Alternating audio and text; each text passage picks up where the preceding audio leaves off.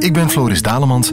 In deze episode van de Mastertrack podcast praat ik met de sympathiekste broer en zus van ons land. Hallo, ik ben uh, Gert Pittens. En ik ben Sarah en wij zijn Case Choice.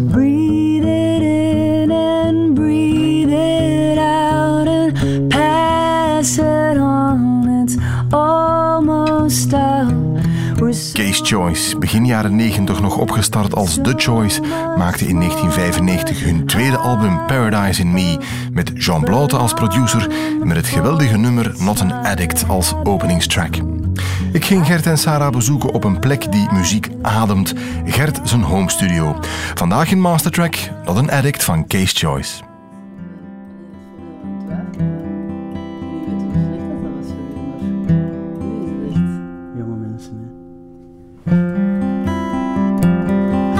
Weet je dan nog dat mensen onze jong groepje vonden? Dat is lang geleden, hè? Dat is lang geleden.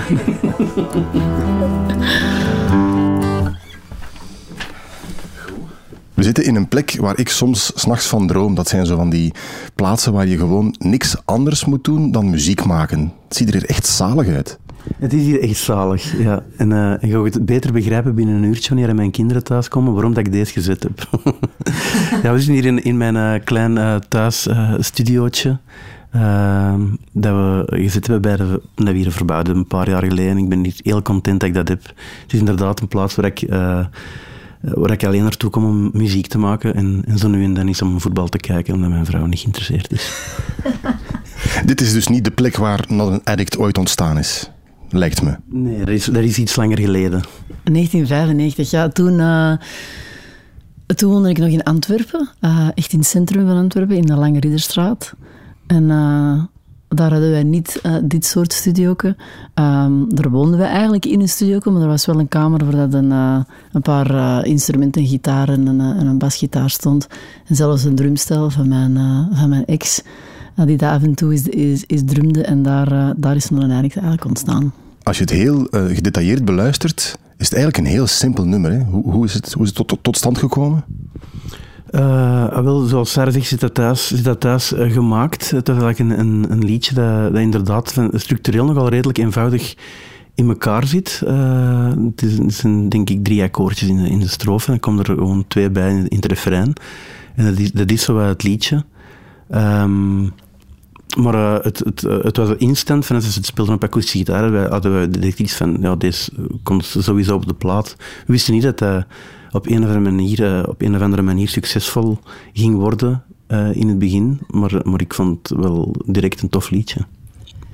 Ik denk dat ik heb er met onze gitarist, met, met Tom, al over gehad dat wij soms het voordeel hebben. Allee, ik zal over mezelf spreken, dat ik niet goed genoeg muzikant ben om heel ingewikkelde dingen te maken.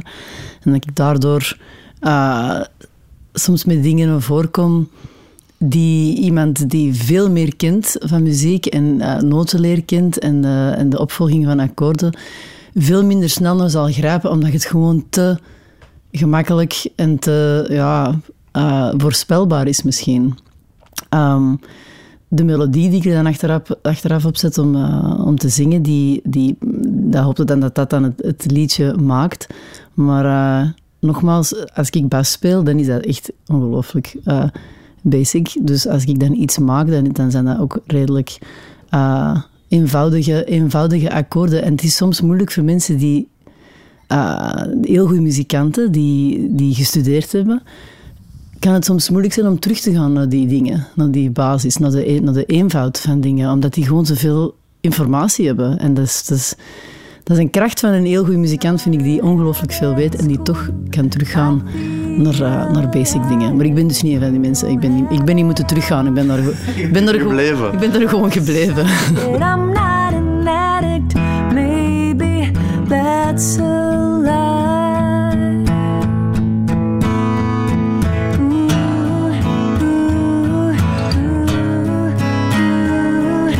Het is ook instant herkenbaar door de oehoe. Ja, en dat, is, dat was niet geschreven op het moment zelf. Dat is eigenlijk pas achteraf ontstaan. Uh, we hebben dat liedje, uh, we wouden dat spelen op een concert.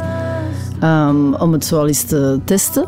Voordat we het opgenomen hadden, ja. Ja, dus voordat, uh, voordat het op de plaat kwam, een soort try-out concertje. En toch eens al een nieuw nummer uitproberen.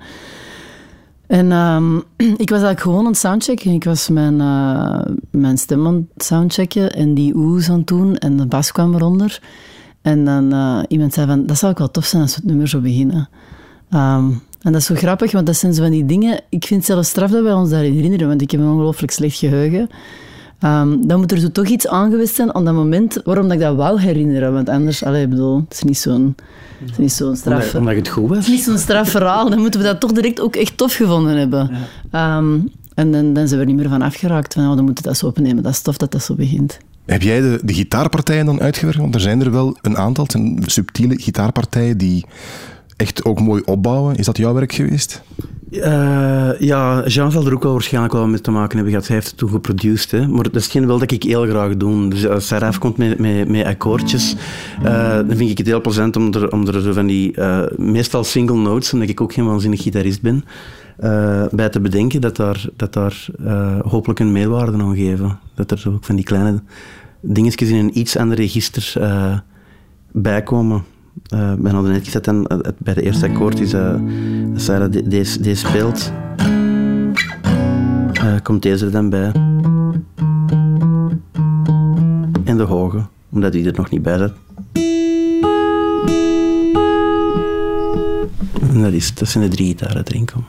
Tegen het einde kun je niet blijven stilstaan, dan heeft het je gepakt waar je bij staat. Ja, sorry, ik weet niet goed dat ik erop kan zeggen. Dank u. Ik heb er wel iets over te zeggen, want dat, het, het had geen uh, traditionele structuur. En uh, ik herinner mij nog echt heel levendige discussies met labelmensen die niet vonden dat dat op een plaat, dat dat een single kon zijn voor die reden. En dat, dat bewijst nog maar eens dat je dat soort dingen gewoon... Allee, er zijn geen formules voor. Allee, er zijn waarschijnlijk wel formules voor die, die, bepaalde, die, mensen graag gebruiken en dan hopen dat het lukt. Maar um, dit, dit duurt eigenlijk echt heel lang voordat je aan een refrein komt. En dat is geen, normale, geen normaal single gegeven. En het is de meest succesvolle single die we ooit gehad hebben. Dus dat zijn zo van die, van die dingen die je... Uiteindelijk maakt het dan toch niet uit dat je binnen de 30 seconden aan... Uh, aan een refrein komt. Ik denk dat het anderhalve minuut is of zo voordat aan een erg dan even, ja. refrein komt. Dus dat vind ik dan, wel heel leuk aan, aan een erg, dat dat eigenlijk al die, die regels die er dan zo gezegd zijn, uh, allemaal doorbreekt en dan toch eigenlijk onze meest succesvolle single ooit geweest is. Ik denk dat het, heel, dat ik het bijzonder moeilijk zou zijn om nog eigenlijk niet op de radio te krijgen als het een nieuw liedje zou zijn. Want gelijk dat mensen nu, uh, mensen dat programmeren, uh, luisteren naar iets en waarschijnlijk niet echt vaak naar iets luisteren het mag echt wel vooruit gaan. En ik denk dat, dat ze waarschijnlijk zouden afhaken aan een seconde of dertig, omdat er nog niet echt iets uh, serieus gebeurd is. Ja. Omdat je het gewoon aan het bouwen is de hele tijd en er is geen plaats meer voor op radio nu. Ik ga het ook eens omkeren. Zou je een nummer als Not een Addict vandaag, we zijn 2016, uh, eh, nog kunnen schrijven? Heel graag, maar uh, spijtig genoeg wordt daar wel rekening mee gehouden tijdens het schrijfproces. Als er uh, iets in aanmerking komt om een single te worden, iets dat toevallig catchy klinkt of zo, en een single is wat dat je echt wel nodig hebt nu, en uh, toevallig een intro van vier minuten, dan zullen wij daar wel zeker drie minuten afhalen. Absoluut. Ja. Je hebt ook zicht op de Amerikaanse markt. Hè. Gaat het daar ook zo hard, zo snel als, als hier? Hè? Er is geen tijd meer om te groeien. Is dat daar ook zo? Ja, ik denk dat het zelfs nog, uh, zelfs nog erger is dan, dan hier. Ik heb hier toch het gevoel dat er nog uh, dat je uh, een radiostation kunt uh, opzetten en nog verrast kunt zijn door iets. En dat is nu wel helemaal weg in Amerika. Het is misschien zo, wel wat underground college radio dinges, maar echt nationale radio is, is nog veel meer geformat dan, dan, dan hier. En je weet echt perfect, als je een bepaald kanaal opzet, weet je echt wel perfect wat je gaat krijgen. Er zijn geen, er zijn geen verrassingen. Gewoon niet ineens op één radiostation um, iets horen van twintig jaar geleden uh, heavy metal nummer of zo. En dan, en dan toch iets volkachtig daarna. Dat vind, ik vind dat dat nog... Dat bestaat precies nog in België. Een van de laatste, in de laatste landen, denk ik, waar dat nog... Waar er nog een klein beetje flexibiliteit is, maar dat is nu echt wel weg uh, in Amerika. Uh, en zelfs met satellietradio, wat dat heel tof is, want dat zijn, dat zijn 150 radiostations of zo. En je kunt dan echt wel kiezen wat dat je wilt. Dat kan, dat kan uh, oude bluegrass zijn, dat is echt heel specifiek. Maar dan krijg je ook wel echt alleen, alleen dat. Het is, tegenwoordig is Pandora eigenlijk nog het leukste ik ben wel heel anti-Pandora, dat is een slecht betalen, maar voor als luisteraar ehm, is het wel leuk omdat je, je kunt, je, je kiest een station van uh, een artiest die je leuk vindt, je krijgt dan zo wat muziek die dat er, een beetje op, dat er een beetje op trekt, je leert wat dingen kennen die je nog niet kende, dat vind ik eigenlijk nog het leukste. Wat zijn zo dingen die dan bij Case Choice gezet worden, vraag ik mij dan af? Mm, dingen... Um, uh, ik kan even niet op de groepsnaam komen, Chasing Cars. Snow Patrol. Snow Patrol, dat soort dingen. Uh, en soms ook uh, folkier dingen, omdat ik dat mee, ja, met de, mijn soloplaten, omdat we geopend hebben, ik denk ik voor de Indigo Girls een paar keer in Amerika. Dus er komen zo soms dingen bij die meer akoestisch gericht zijn. Um, het is goed dat je even naar uh, Indigo Girls verwijst, want waar zij heel goed in zijn, uh, is die hele knappe samenzang. Dat is bij jullie ook zo. In een Addict komt dat eigenlijk maar heel kort in, die mooie samenzang. Alleen in het uh, middenstuk, ja, dat klopt.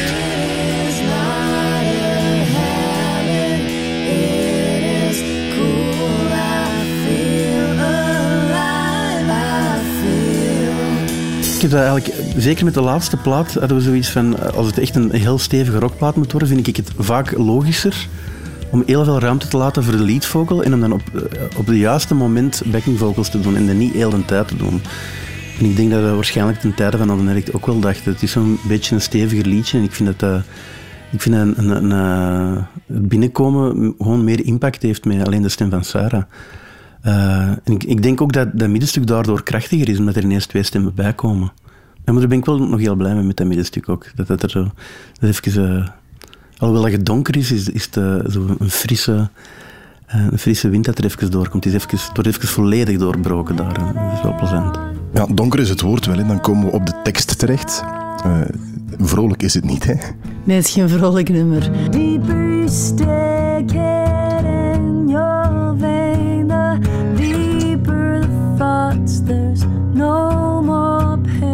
En daar herinner ik mij ook, ook echt waarom, waarom ik dat geschreven heb. Ik had een, uh, een interview met een uh, Franse journalist in Parijs die dat mij vroeg uh, of ik ooit drugs gedaan had. En dat ik nog nooit... Dat is zo'n vraag van, oké, dat is zoiets iets anders dan praten over mijn muziek. En die vroeg, hij zei ook direct van, ja, de reden waarom ik het vraag is omdat dat allez, in Frankrijk een heel groot probleem is. En hij was ook uh, HIV-positive, Sam. En dat was door een naald, een, een besmette naald. En hij vroeg zich af wat mijn opinie daarover was. En ik we hebben er even over gebabbeld en ik was gewoon onder de indruk van, van, de, aard van dat gesprek en ook van dat hij zo open was over zijn eigen dingen. En ehm, dat was eigenlijk de inspiratie voor dat liedje. Want er zijn heel veel mensen die mij achteraf over geschreven hebben, die niet kunnen geloven dat ik nooit verslaafd ben geweest aan drugs. Die vonden dat dat eigenlijk echt heel goed... Uh, ja, die dat op een of andere manier daar kracht uh, in hebben kunnen vinden in de, in de inhoud van die tekst. Maar toch klinkt het alsof het echt uit jezelf komt, hè? Ja, ik... ik uh, als ik over dingen schrijf die niet echt over mij gaan, dan moet het eh, op zijn minst wel iets zijn dat, dat mij op een of andere manier raakt. En ik denk dat dat gesprek mij gewoon heel hard geraakt heeft. Ik heb, ik heb ook liedjes over uh, moeilijke mensen die moeilijke jeugdschat hebben geschreven en daar ben ik ook niet bij. Uh, en dat is omdat, ja, gewoon mensen die je kent, vrienden of zo, die, en, en verhalen die dat je ziet, die, die je toch op een of andere manier uh, raken. Dus het zou moeilijk zijn, denk ik, voor mij om... om om dat soort nummer te schrijven met, met betekenis, als ik er zelf eigenlijk helemaal niks bij voelde. Ik zou wel een nummer voor iemand anders kunnen schrijven over een onderwerp dat mij niet echt dat mij niet raakt, en dat zou wel oké zijn. Maar als er zo toch een, een onderlaag aan is, dan moet, het wel, dan moet het ook wel over iets gaan dat mij, dat mij op een of andere manier toch, uh, toch geraakt heeft. Het was 1995, hè, jullie tweede plaat. Uh, hoe zag je de wereld toen? Wat was het plan met Case Choice toen? Uh, ik denk dat we toen uh, van, uh, bezig waren met de wereld te veroveren op dit moment.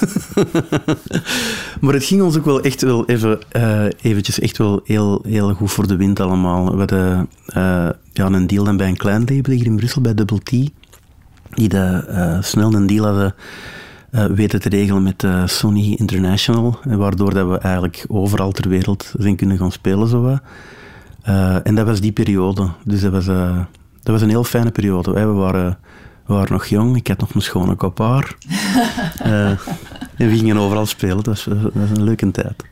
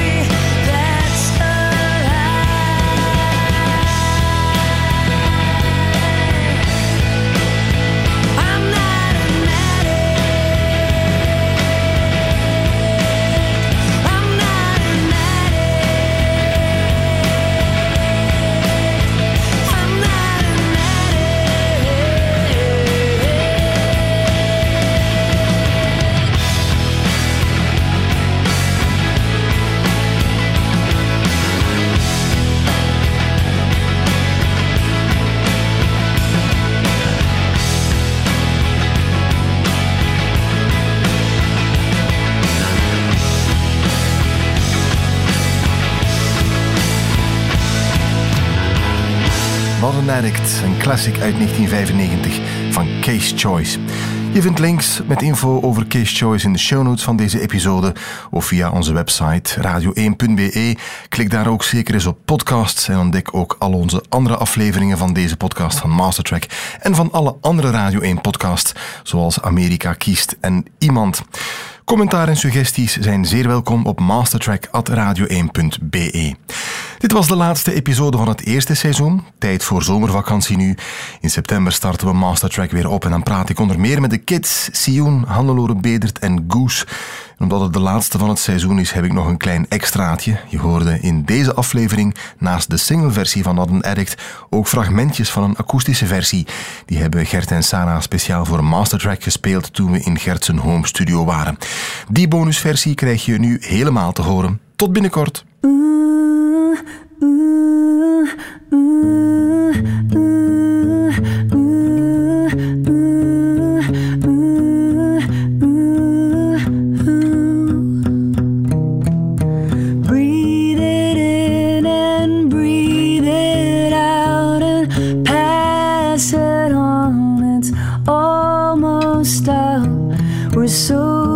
creative, so much more.